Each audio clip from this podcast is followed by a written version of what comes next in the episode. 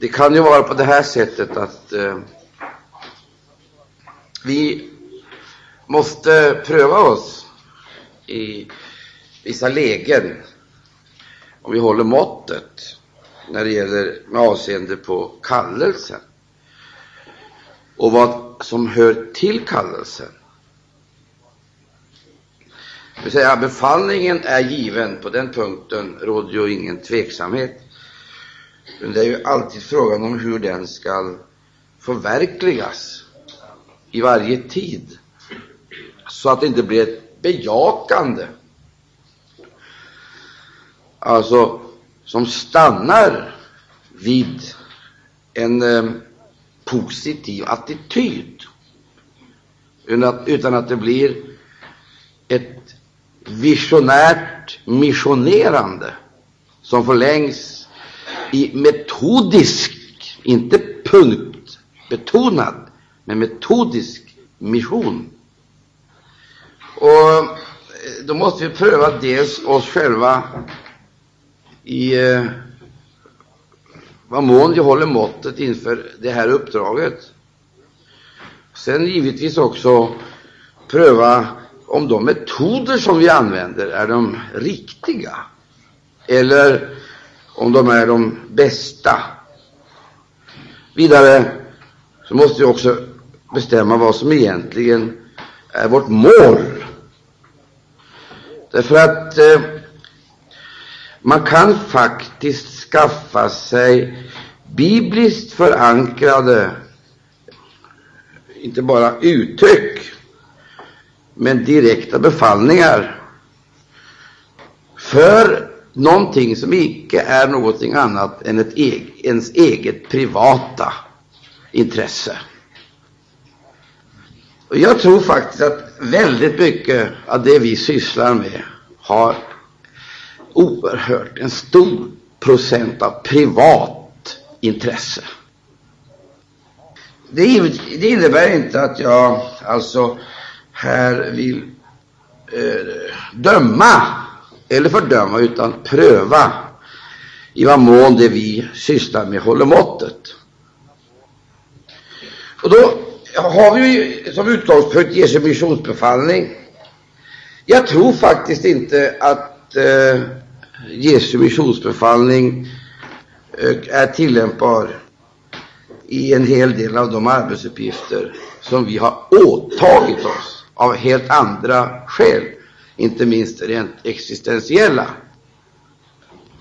För att det primära uppdraget var inte att skapa storfamiljer eller bygga företag. Absolut inte. Utan det primära var att göra evangelium känt.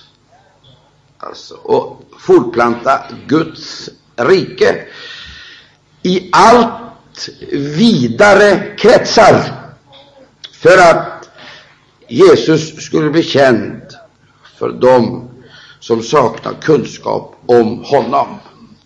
Det var det som var det primära. Allt annat är underordnat just detta stora mål. Och nu säger Jesus så här, mig är given all makt i himmel och jord. Gå för den skull ut och så gör en alla folk till lärjungar. Vi lägger märke till alltså vad som är bakgrunden till missionsbefallningen. Det är det Jesus är det han representerar.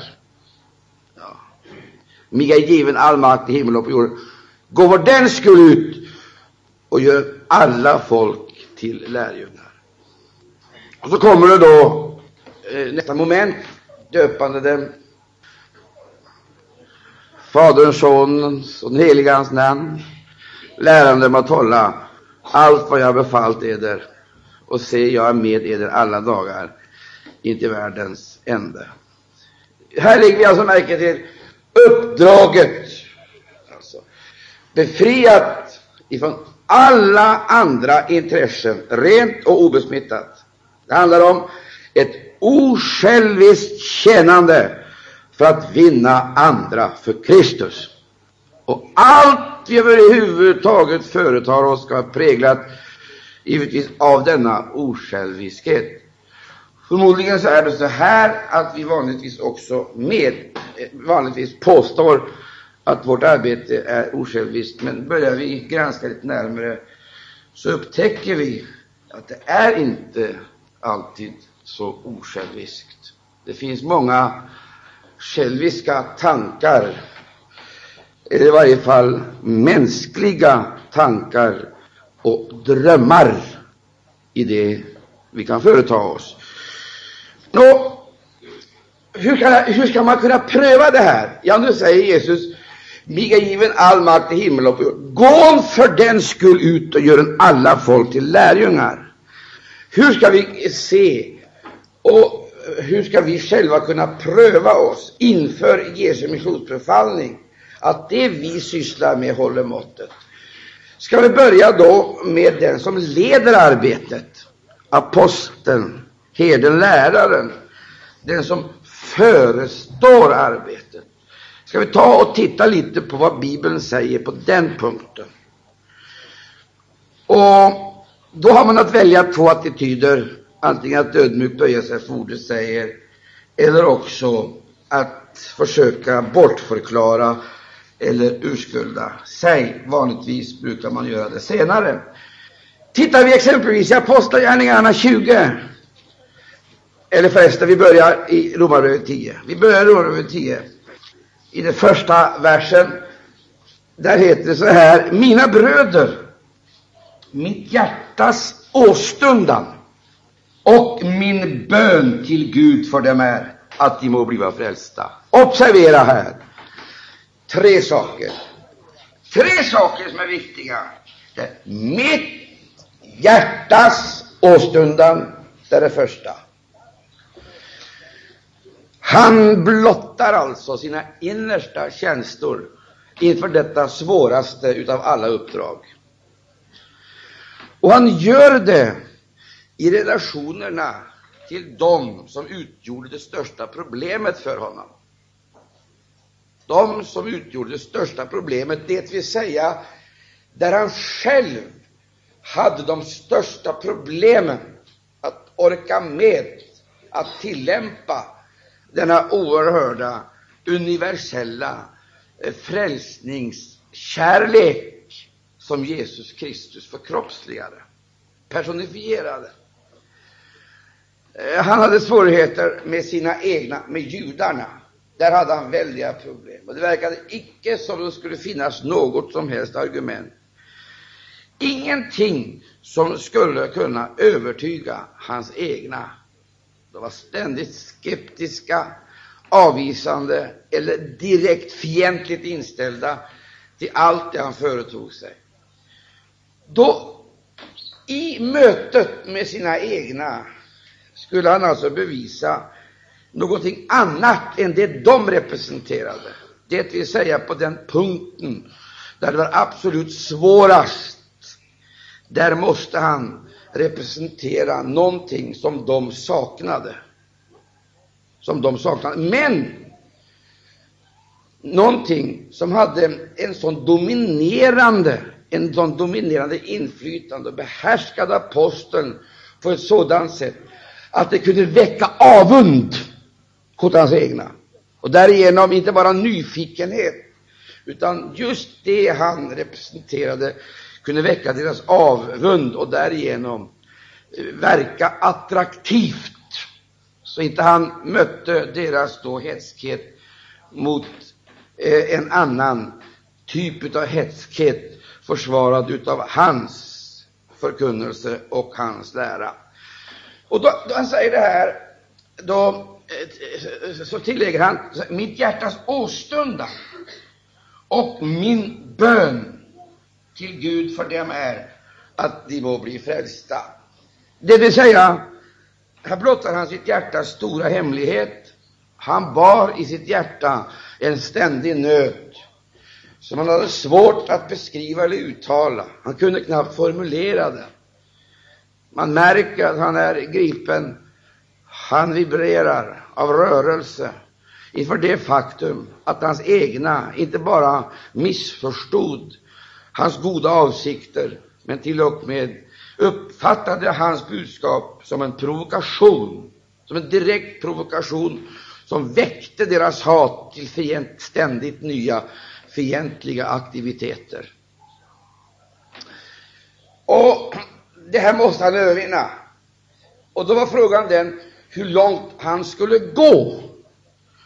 Hur långt han skulle gå i konflikten med sina egna.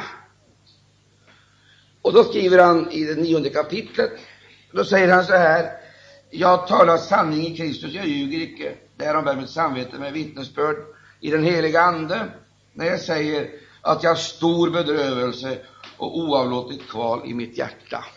Så ovanpå hans hjärtas åstundan, alltså hans stora dröm och djupa längtan, det var det att hans egna skulle bli frälsta. Och för detta, detta höga mål, så bar han mot dessa fientliga människor stor bedrövelse och oavlåtliga kval i sitt hjärta. Och nu kommer vi till den punkt där jag tycker att vi skulle vara väldigt tystlåtna. För jag upplever oftast att vi har väldigt mycket verksamhet, men vi har oerhört stålsatta nerver. Det verkar som om nerverna i vårt arbete vore av stål, metall. Och jag kan inte fatta vad det beror på. Jag fattar inte vad detta beror på. Att vi är så fruktansvärt metalliska, stålsatta och alltid vet det bästa och alltid har rätt. Vi har rätt om vi är hårda. Vi har rätt om vi är överlägsna. Vi har rätt om vi uppträder fariseiskt. Vi har rätt. I alla lägen så har vi rätt. Det är en attityd som jag inte blir klok på. Med andra ord, jag efterlyser nerverna, kvalen, bedrövelsen. Jag kan inte fatta den här hårdheten, den här buffelmentaliteten, där vi många gånger taxerar människor utifrån deras inställning till storfamiljen, utifrån deras inställning till oss som personer. Utifrån deras inställning till oss som rörelse så värderar vi dem utifrån detta och inbillar oss att vi har någon som helst rätt att med det underlaget också döma. Det har vi definitivt inte. Därför att människor som aldrig kommer med i storfamiljen kan vara mycket mer gudfruktiga än alla de som är i storfamiljen. Därför att det står ingenstans i skriften att Gud söker sådana kvaliteter och har vi kommit in i någonting annat och bättre, så är det uteslutande av nåd och definitivt inte av förtjänst. Och det är definitivt icke någonting som vi har det minsta rätt att berömma oss utav. Eller, så att säga, använda såsom ett argument för vår, eh, alltså, eh, vårt andliga avancemang i jämförelse med andra. Och vi kan hålla på vi kan tala om vår frigörelse, vi kan tala om en hel del andra saker. Vilka är någonting annat än kvalificerat strunt. För att det enda vi har rätt att berömma oss utav, det är korset. Ingenting annat. All berömmelse därutöver är av ondo och kommer icke att stad någonting annat än stora skador för oss själva och för Guds verk. Dessutom så vill jag verkligen tillägga det här, att vi har icke rätt att använda exempelvis våra andliga tjänster för några andra intressen än de som finns här. Har vi nöd? Har vi vånda? Har vi, är, är vi, har vi, bär vi ångest i vårt hjärta? Så får icke detta på något sätt kanaliseras in i andra engagemang än just detta ena att människor ska bli frälsta och att Guds folk ska bli förnyade. Det är fruktansvärt viktigt. Och därför får vi se till att vi inte blir fixerade vid våra personer, vid våra ämbeten, våra uppgifter, vid våra företag, vid vår ekonomi. Fixerade så att vi behandlar människorna som om de skulle vara verktyg för våra personliga mål. Det spelar väl ingen roll om alla företagen går under. Låt dem gå under. Det kan bli på det här sättet som det var med Paulus på den här oerhörda resan som han gjorde. Då hela farkosten gick sönder totalt. Men alla, alla passagerarna blev frälsta. Målet måste väl vara att passagerarna blir frälsta, eller hur? Det gäller för oss nu att vi börjar förstå vilka värden vi kämpar för. Vi håller inte på att bygga upp några monument eller markörer. Det gör vi definitivt inte. Vi har en enda uppgift. Det är att själva var och en bli uppfyllda av en sådan gudomlig kärlek att den frälsning vi representerar, den har en attraktiv utstrålning. Och det här gäller alltså i två riktningar. Det är inte bara frågan om de vi ska vinna, utan det är också frågan om de vi har vunnit. Så att de som är i vår krets ska naturligtvis också utvecklas på det sättet att de i sin tur blir fungerande själavinnare i ett mycket, halleluja, mycket friskt, sunt och helande sammanhang. Jag ska gå vidare här, därför att i det här kapitlet så tycks Paulus inte veta någon gräns alltså för sin beredvillighet att engagera sig för också sina motståndares frälsning. Det är ingenting som han satte så högt i tillvaron som att nå målet. Det var ingenting som han uppfattade så stort och som så fullständigt hade gripit honom som detta att få möta Jesus, få se honom, få vara hos honom. Han levde för detta. Hans puls slog för det här att få se Jesus. Det är Jesus. Men hör du, när han prövar sig själv och orsakerna till de här förvecklingarna och konflikterna som han ständigt var invecklad i, då säger han att han är beredd att för sin del avstå också ifrån himmelen. Det vill säga, om det nu skulle vara så att han för sin del stod i vägen för någon, för någons frälsning, så att någon skulle gå förlorad för hans skull, för att han hade varit ovislig, oförståndig. Han hade varit egenmäktig eller uppträtt på ett sådant sätt att det hade verkat eh, på ett annat vis än det han hade åstundat. Då säger han, han var redo att avstå ifrån himmelen om han på det viset skulle kunna vinna någon annan. Med andra ord, nu går han längre, längre än någon annan människa före honom utom Jesus har gått. Han börjar nu närma sig punkten som Stefanus nådde då han i stenregnet bad Fader förlåt dem, ty de veta icke vad de gör. Här ser du försoningens räckvidd, hur den förmår att fullständigt omvandla en människa och göra henne till en förebedjare för sina värsta motståndare och fiender.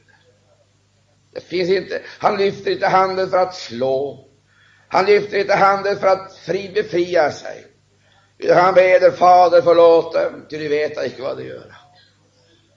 Och jag är helt övertygad om att hade han icke bett den bönen, Stefanus, vid det tillfället, så hade hela skaran utrotats. Himlen hade utrotat hela skaran. Men Stefanus beder som Jesus, och därför så får han också bönesvaret som Jesus fick, när Jesus beder för den mänsklighet som för honom till korset. Likaledes beder Stefanus, Fader förlåt dem, och du ser hur Paulus, hur han är redo att ge det största av alla offer. Nu har han gett allt som överhuvudtaget fanns att ge på jorden. Han har gett Allt han. Han hade offrat allt. Han hade offrat sin personliga karriär. Han hade offrat sina vänner, han hade offrat precis allt som överhuvudtaget fanns att offra. Och frestelsen för honom, det var att bli hård. Att bli hård. Det var frestelsen, ty det är nämligen på det här sättet att när man har gett offret, så kom, når man den punkten då man frestas till att bli hård. Ty då tycker man nu har jag gett vad man kan förvänta sig. Och därmed, när man nått den punkten, då tar man sig rättigheter. Eller tar sig friheter som man sedan betraktar som en självklar frihet. Det här, det här är, en, det är en lag, skulle jag vilja säga, i Andens värld, detta. När man nått den här punkten, då man har offrat allt, och står där utan, ehm, utan några anspråk. Några anspråk på det världen har att erbjuda, utan kan deklarera nu är världen korsfäst för mig och jag för världen. Då har man nått en position där man kan känna sig ganska säker och uppleva det som en, vad ska jag kalla det för, orsak till, en naturlig orsak till att man har rätt att utnyttja sin myndighet, att utnyttja sin auktoritet, att utnyttja sin erfarenhet, att utnyttja sin kunskap på ett felaktigt sätt. Men eh, det viktiga är att man i allting är förkrossad och eh, ödmjuk. Jag börjar bli gammal, det medger jag. Men det finns ingenting jag vågar påstå jag är så rädd för, som att bli hård. Och jag, jag ber Gud faktiskt dagligen bevara mig i förkrosselse. Och hjälp mig att inte jag gör som tjänaren, som du talar om i liknelsen, som istället för att ge mat i rätt tid börjar slå sina medtjänare och sen börjar söka sitt eget. Det är ganska märkligt det här. Alltså man, man, man skaffar sig kunskap, man skaffar sig erfarenhet, man får auktoritet och myndighet över människor som kan bli ett direkt hot, ett livshot för individer, för människor. För använder man det på ett felaktigt sätt så kan man slå sönder kärlen, de sköra kärlen, och man kan förstöra det som skulle bli bärare utav gudomliga, gudomliga gåvor. Det finns ingenting som jag är så rädd för som just detta, att bli hård och att använda sin auktoritet på ett sådant sätt att det blir till skada för människor. Så att när man har varit med om så många ting som jag har gjort, har min erfarenhet och kunskap, så är det en frestelse att ständigt gripa tag i det Gud har gett och använda det på ett mer eller mindre själviskt sätt. Och det här är alltså inte fråga om några tillfälliga förlöpningar, för att det gör vi oss skyldiga till, de flesta utav oss. Men att sätta just detta i mönster, så att man förlåter sig själv då man begår sådana här misstag och förbliver i det jag skulle vilja kalla i den här hårda och mycket, eh, mycket självupptagna positionen. Nu vet jag att det alltid är farligt att gå ut i en egen situation. Vi predikar inte oss själva, utan vi predikar Kristus. Och jag predikar inte mig själv, utan jag vill bara göra som Paulus här, illustrera vad jag vill säga med min egen erfarenhet. Och du, det stora problemet är att när man misslyckas, då söker man förklaringar och orsaker. Därför att det är väldigt svårt att bekänna att jag har tagit fel. Det här är fel.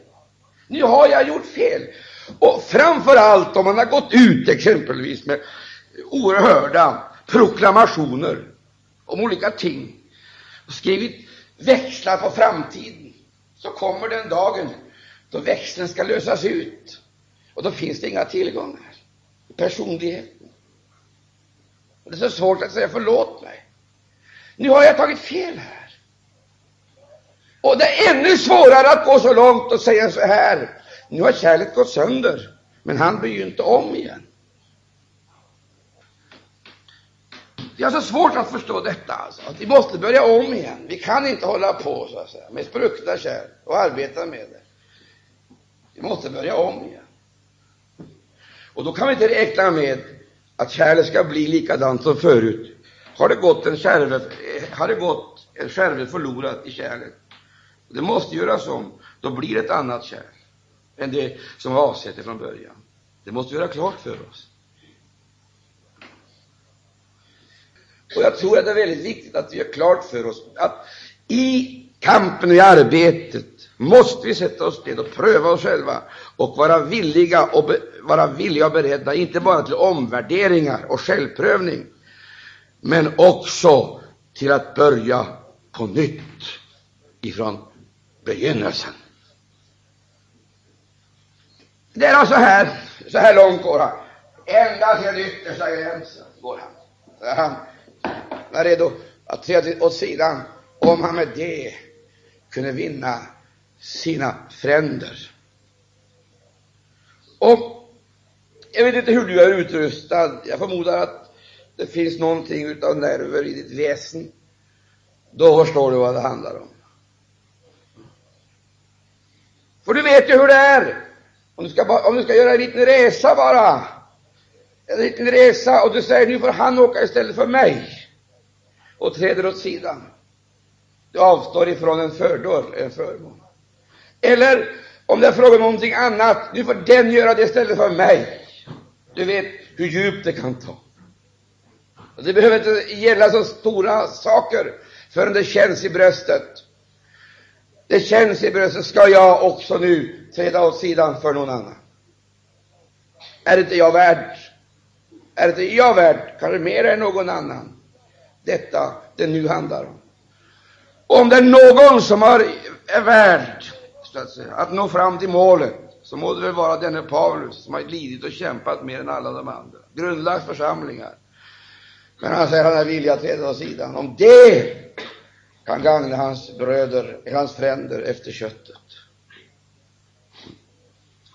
Syskon, nu säger jag, det är det här engagemanget som jag efterlyser i själavården och församlingsvården och som jag efterlyser i själavinnandet och i missionen. Vi kan fortsätta att eh, läsa om andra ting som man kan förvänta sig hos de som har gjort stora erfarenheter, har kunskap och dessutom har fått ledarpositioner. Vi kunde ju ta tid och studera Matteus 24, den sista delen där. Om tjänaren som slår istället för att ge mat i rätt tid. Men vi ska lämna det nu här på eftermiddagen, så får vi se hur Herren manar fram det som är nödvändigt för oss just nu. Och så ska vi gå ett steg till. Det är oerhört viktigt att vi förstår vad saken gäller. Vad saken gäller. Det gäller alltså inte att bygga upp en kyrka, ett samfund, ett företag och i första hand så är det heller inte frågan om att bygga upp, att bygga upp en fri församling. Utan det som är primärt och angeläget, det är att skaran ska bli fulltalig. Att skaran ska bli fulltalig. Det vill säga, vi skall genom vårt gemensamma arbete och genom den, den väldiga kraft som verkar i oss var och en individuellt medverka till att skaran blir fulltalig så Jesus kan komma igen. Det är det, där, det är det som är det primära med allt vårt arbete. Det är att skaran ska bli fulltalig. Och om vårt arbete inte leder till att på det här sättet Guds rike fortplantas och skaran blir fulltalig, då är det något fundamentalt fel i det vi håller på med. Och då måste vi i ärlighetens namn pröva om oss inför just det här att skaran ska bli fulltalig. Skaran av hedningar ska bli fulltalig. Det är det som är målet. Och det är denna skara som alltså på det här sättet ska bli fulltalig, som under den period eller hushållning som Guds folk befinner sig på jorden i tiden ska ha förmånen, fördelen, glädjen och välsignelsen av att få tillhöra en levande Jesu Kristi församling. Ära vare Gud. Som är avskild för Herrens räkning och som fortplantar i alla riktningar och på alla nivåer detta gudomliga liv. Det här som jag nu talar om, det har jag vetat hela tiden, i och för sig. Jag har haft absolut den uppfattningen att Guds verk, det tar Gud hand om. Det tar han hand om. Om inte vi med våra klåfingriga händer griper tag i Guds verk och rycker åt oss någon del utav det, som vi, så att säga, på ett eller annat vis får ett speciellt ansvar för, tar oss ett ansvar för. Ehm, eh, och därigenom alltså låter det bli ett eget verk som vi då ger eh, gudomliga etiketter. När Jesus talar om skördearbete exempelvis, så säger han så här, bedjen för den skull, skördens Herre, att han sänder ut arbetare. Det vill säga, där upptäcker vi att Jesus sätter bönen som det första maktmedlet, om man får använda maktmedel i det här sammanhanget. Det första maktmedlet, det är bönen. Bedjen för den skördens Herre att han sänder ut arbetare till sin skörd. Och vi lägger märke till Jesus syn på hela den här situationen. Det är från bedjen för den skull. Skördens Herre att sända ut arbetare till den myckna skörden. Och det här fattade man alltså på det här viset, om vi läser Apostlagärningarna. Vi ska återvända till Romarbrevet om en liten stund. Men läser vi Apostlagärningarna i det trettonde kapitlet, så heter det så här, första versen. I den församling som fanns i Antiochia verkade nu såsom profeter och lärare Barnabas och Simeon, som kallades Niger, och Lucius från Syrene, så och Manaen, landsfursten Herodes fosterbroder Saulus. När dessa förrättade Herrens tjänst och fastade, sade den helige Ande, avskiljen åt mig, Barnabas och Saulus för det verk som jag har kallat dem till. Här har du alltså tillämpningen av Jesu undervisning. Bön och fasta. Det är alltså själva initialskedet. Och det stämmer ju så väldigt bra, så väldigt bra. Ty då Jesus tog ut sina apostlar, innan han tog ut dem så hade han en bönenatt. Då, hade han en då avskilde han sig och så bad han till Gud. Och så lägger vi märke till en sak här, nu måste ni lyssna noga, för att annars så kommer vi att missbruka den här texten som vi har missbrukat många andra texter för att försvara det vi sysslar med. Nu ska vi riva ner det där på ett effektivt sätt.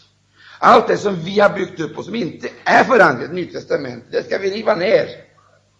Och så ska vi be till Gud att vi får vara med och bygga upp sådant som tål elden, som inte brinner upp i slutskedet när det står färdigt, men brinner upp nu, så vi kan börja bygga med, med silver, guld och ädla stenar. Tror du på det, säger jag amen. Och nu ska du få höra här, lägg märke till det står så här, att de skulle avsky åt mig, alltså avsky åt mig sa den helige Ande. Där ligger själva motivet för fullmakten som församlingen förfogar över. Tänk att de fick inte ens avskilja dem för församlingens räkning. Icke, utan för den heliga Ande. Vi måste alltså veta var gränserna för våra fullmakter går någonstans, så vi inte gör oss skyldiga till övergrepp. Vad sa Jesus? Gå in i staden, där ska ni finna en åsna stå bunden. Den där åsnan stod på marknadstorget. Förmodligen så hade alla de andra åsnorna redan sålts. Alla hade gått. Man hade varit där och köpt sitt lastdjur. Man hade sett ut de bästa djuren, köpt och betalat priset för det. Och nu hade alltså de flesta åsnorna, de hade övergått i ny ägo. Nu står det en åsna kvar, som icke har blivit såld. En överbliven, ett överblivet lastdjur står där ensam. Då kommer de två. Så börjar de lösa åsnan. Och då kommer ägaren som gör anspråk på att äga åsnan. Och de säger, varför löser ni åsnan? Ska ni köpa den? Vet ni vad den kostar? Då svarar de, Herren behöver den. Det är motiv nog. Alltså inte vi, inte verksamheten, men Herren behöver den. Sen så sägs det klart och tydligt att Herren ville ha en åsna som ingen hade suttit på. Därför så måste de som hade fått fullmakter vara medvetna om gränserna för denna sin fullmakt. Jesus har sagt, det binder på jorden, det ska bundet i himlen. Tror du på det? Det är lösen på jorden, det ska vara löst i himlen. Men vi måste veta var gränsen går någonstans. Var går gränsen? Lösen den och fören den till mig. Det vill säga, de fick inte själva sätta sig på den. Det fick inte bli ett lastdjur åt Petrus, åt apostlarna eller någon annan. Då hade det förfelats. Då hade ordet brutit sönder och då hade inte löftet längre varit gällande. Förrän den till mig. Vi måste veta att vår fullmakt, den är begränsad till att lösa de bundna och sätta dem i frihet för att de ska komma i tjänst för Jesus. De ska inte i tjänst för våra företag, om du trodde det. Och inbilla dig inte att de på något sätt skulle vara överlämnade någon olydnad eller någonting annat därför att de inte vill stanna i ditt och mitt företag eller det vi håller på med. Det är en fräckhet som är vidrig. Och det är ett utomordentligt sätt att reducera människor till trälar under sina idéer eller använda eh, sina eh, fullmakter till att förvandla fria och självständiga individer till slavar. Det var inte Guds vilja. Låt folket gå! Om hela gamla bron rasar ihop, För låt folket för allt i världen gå. Det är ingen som är bunden här i huset så att de ska känna sig skyldig till något svek eller förräderi om de lämnar det här huset. Tvärtom, Upplever de det som en kallelse att gå vidare, så säger vi Gud välsigna er, oberoende av hur det går med det här huset. Har Gud satt oss att försvara Maranata? Har Gud satt oss att försvara våra företag, våra tryckerier? Har Gud satt att försvara våra skolor? Har Gud satt att försvara och, så att säga, allt detta som vi naturligtvis har fått uppgift i ett initialskede att vara med och skapa? Sen har det här mer eller mindre blivit ett självändamål som vi måste satsa hela vår kapacitet för att hålla gående. Har Gud satt oss detta? Visst inte han inte gjort. Tvärtom är det på det här viset att de här tingen ligger i vägen, så att det utgör orsaken till att vi inte kan fungera som själavinnare och fortplanta Guds rike, då är det dags med en omvändelse, en självprövning och en förnyelse i den heliga Ande, men framför allt dags med ett förkrossat och uppriktigt förlåt att jag missförstått min auktoritet och min uppgift. Gud har ett fritt folk. Halleluja, ära vare Gud älskar ett fritt folk. Och Gud har förtroende för den heliga Ande och sitt eget ord. Och tror det att om vi förkunnar ordet utan att ha sådana här biavsikter eller inta eh, sådana här mer eller mindre självtagna roller, så kommer Gud att föra verket fram på sitt underbara sätt. Ära vare Gud. Nu ska jag tala om för en hemlighet här vidare. De sa, Herren ville ha åsnor som ingen hade suttit på. Apostlarna fick inte sätta sig på den. Visst inte. De fick föra den till Jesus. Sen la man manteln där ovanpå. Och där har du mantelbilden på kraften. Ni ska bli klädda med kraft ifrån höjden. Där har du myndigheten. Så försvinner åsnan under manteln. Och då sätter sig Jesus där ovanpå. Och då så är det inte lärjungarna åsnan bär ut. Visst inte. Det är inte en ny grupp, en ny filosofi. Det är konungen. Ära vare Gud som kommer och man ropar välsignad vare han som kommer i Herrens namn. Apostlagärningarna 13. Åh, vilka ord! Det, det heter vidare i det här sammanhanget avskiljande för det verk som jag har kallat dem till. Och det där, det där är någonting alldeles märkligt. Och vi känner igen det där uttrycket ifrån andra sammanhang, där man säger inför avgörande beslut som församlingen nödvändigtvis måste ta. De får samtala om saker och ting och komma fram till, komma fram till ett beslut. Då säger man den heliga Ande och vi har beslutat. Käre Gud, ja, ni måste ju medge att det känns inte bara högsvarande, men också tröstande att man kan få uppleva den heliga Andes ledning med avseende på de beslut som församlingen ska ta och med avseende på uppgifterna som människorna ska ledas in i. Det här är inte Imsens. Det här är inte föreståndarens, äldstebrödernas beslut eller församlingen, den heliga Ande och vi. Halleluja. Oramagandor.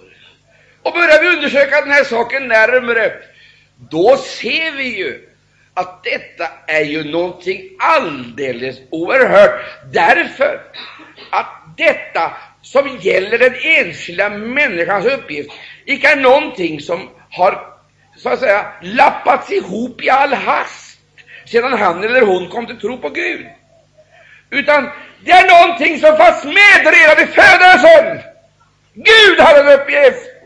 Gud hade en plan. Gud hade ett mål för varje enskild människa.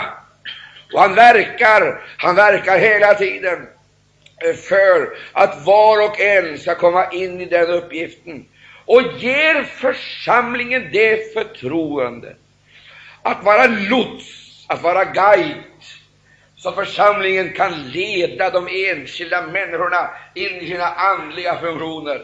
Ära vare Gud, så att de kan tjäna Herren utan fruktan alla sina livsdagar. Är det inte underbart? Det är ju en väldig nåd, eller hur? Det är ju det Gud vill. Jag, jag måste läsa det här vidare. Käre Gud i himlen. De hade bedit och fått uppgiften att de skulle avskilja åt mig Barnabas och Saulus för det verk som jag har kallat dem till. Då fastade de och, och båda och lade händerna på dem. Och så kommer det, leto dem så begiva sig och stad. Du förstår, det är väldigt mycket som inträffar i en gemenskap när någon bryter upp det ska sägas att det är någonting av prövning att förlora trofasta medarbetare. Det ska jag säga er. Men det står att de bad och fastade. Ty det är viktigt att de här sakerna får alltså ett sådant svar som gör att det största offer blir möjligt. Och man upplever det som en glädje att få ge den bästa medarbetaren, de trofasta medarbetarna. Vi kan ju säga så här, ja, ja, låt, de kan ju gå, de kan vi ju skicka. Därför att det är inte säkert att de är så oerhört trofasta och är så nära, utan de kanske är mera perifera. Och det kan till och med vara så att det finns en och annan som har berättat bekymmer, så man känner sig både klöst och, och slagen utav en och annan och känner nästan som en befrielse om de far. Det är de vi talar om. Och de är ju trots allt, det är undantag. Det är en och annan eh, som ställer till krångel. Och vi hjälper väl till att så att säga göra det krångliga ännu krångligare, förmodar jag. Därigenom att vi behandlar saker och ting alldeles för kötsligt. Men, men hör här, det är att förlora de bästa medarbetarna. De bästa. Och jag har tänkt många gånger då jag läser skriften och ser vad som sker under, eh, uppe i Jerusalem. De hade missionsbefallning i sina händer, auktoriteten och myndigheten. De hade varit med om alldeles utomordentliga ting. Och alla ville naturligtvis vara i Jerusalem, självklart. Alla ville vara där och uppleva hur församlingen utvecklades och, hur, och se hur allt fler kom till tro på Gud. Men så heter det, så utbröt en svår förföljelse mot församlingen utom och alla utom apostlarna blev omkringspridda. Vad jag med det här vill ha sagt, vi får inte se vårt arbete som misslyckat eller meningslöst om Herren kommer till oss och vill att vi ska ge det här offret, våra bästa medarbetare. För då vill Gud genom det här inte bara sätta oss på prov, utan han vill öppna en ny dörr för oss. Tror du det, så säger amen. För han tar ingenting för att han vill skada oss.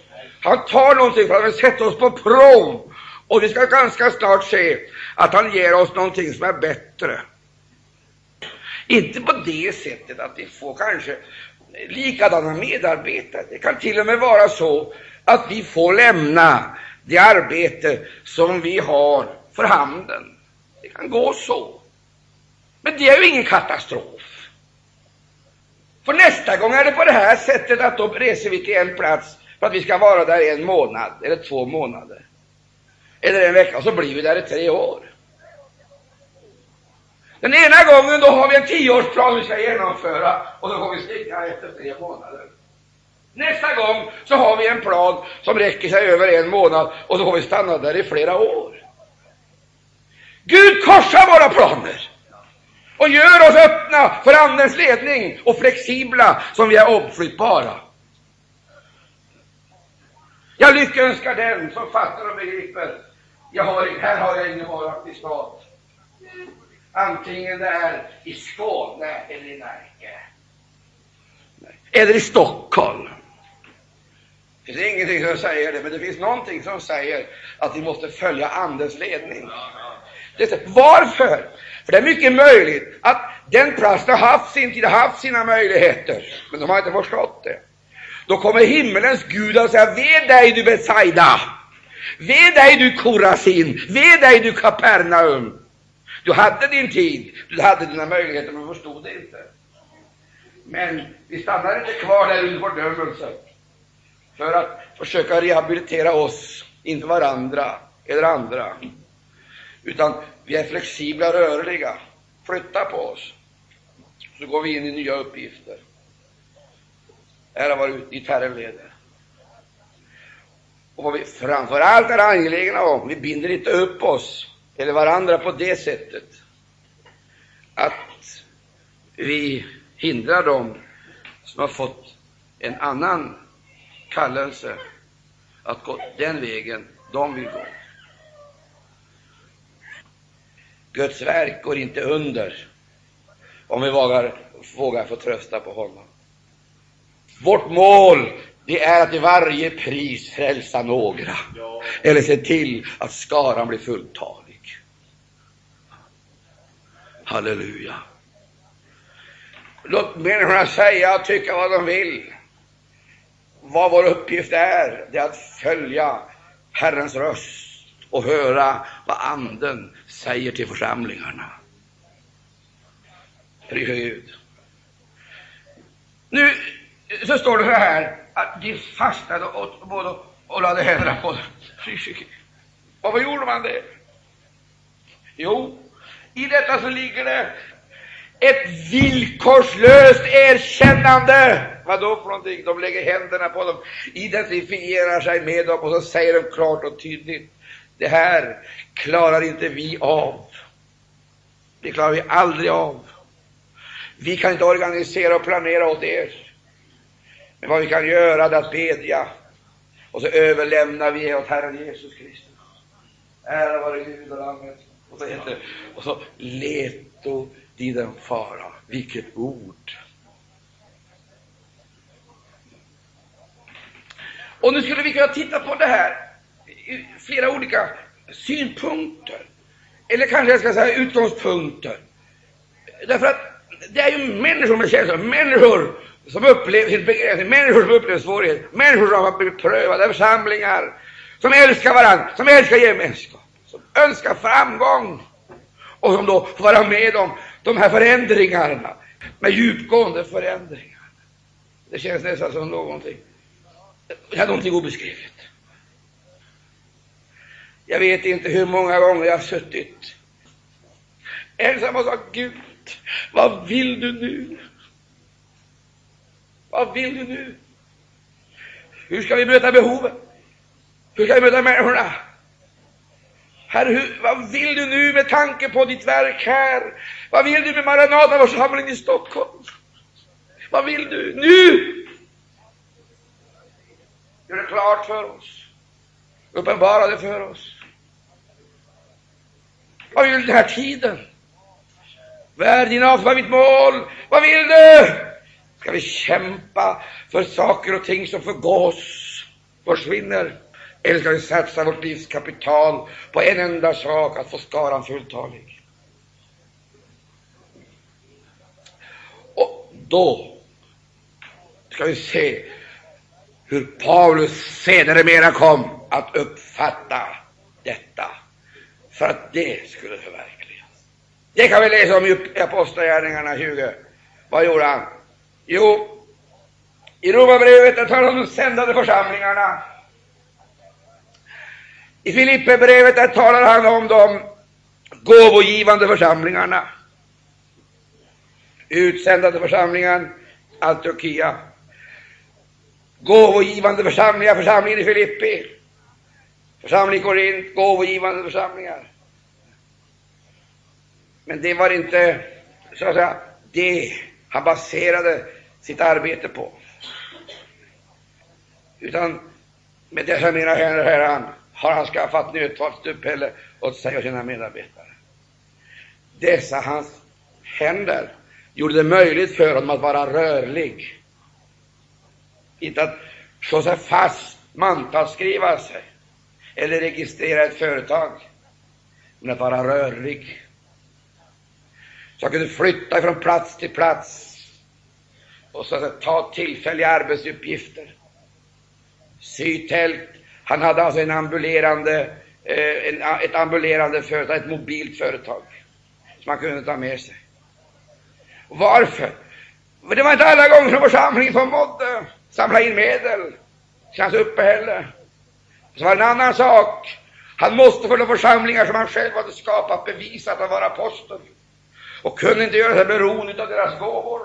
Han måste bevisa att han hade gudomlig kallelse, att denna kallelse manifesterade sig tvåfaldigt. Dels genom beredvillighet att själv arbeta med sina händer och bli ett föredöme för alla, men också visa att Gud tog hand om honom när han kom i trångmål och öppnade dörrar så att han kunde bevaras och räddas ut ur situationer där det annars var prövosamt. Men en sak var han angelägen om, det var att aldrig förlora berömmelsen av att icke vara beroende av någon församling. Alltså, hans apostlaämbete krävde det. Men vidare, han var väldigt angelägen om att ingen skulle säga att han var beroende av någonting, av ett företag som han själv hade byggt upp. Aldrig. Han var rörlig. Från plats till plats drog han sina medarbetare. Och överallt byggde han upp Guds verk. Det var hans ideal. Och där tror jag vi ska lägga om. Och skaffa oss mobila och rörliga grupper som icke är beroende, så att säga, utav eh, beroende utav vissa inkomstkällor, men ständigt kan ändra, förändra, flytta, predika, bota sjuka och göra Gud känt. Det finns en sak till som är viktig i det här sammanhanget. Därför att den frihet som han hade, den säger han, fri och oberoende av er alla har jag blivit alla tjänare. Där har du motivet. Han lät sig icke bindas. Han var fri för en sak, att kunna tjäna alla. Det är dit Gud måste leda oss. Fri, oberoende. Oberoende av företag, oberoende av grupper, oberoende av människor, oberoende av alla har vi blivit allas tjänare. Då har vi kommit in i en apostolisk funktion. Och då kommer vi att på mera än ett sätt manifestera den verklighet att vi har här ingen fast stad, utan vi söker en tillkommande.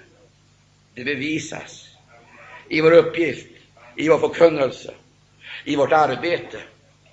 Och låt oss icke försöka att använda oss av 60-talets metoder, de räcker inte till. Vi måste få 80-talets utrustning för att möta den upptrappade ondskan på det nya sätt som ondskan opererar. Men en sak står fast, och att vi alla lägen skall praktisera vad Guds ord säger i varje ny situation. Är du med på det, så säger jag amen. Här ligger alltså möjligheten för oss att också i detta nu förverkliga, ja, verkställa Jesu missionsbefallning och därigenom målmedvetet, rastlöst verka för att skaran ska bli fulltalig. Och när den är fulltalig, då kommer han. Och vi följer honom hem i det rike som väntar på sina medborgare. Ära vare Gud. Gud välsigne oss alla. Amen.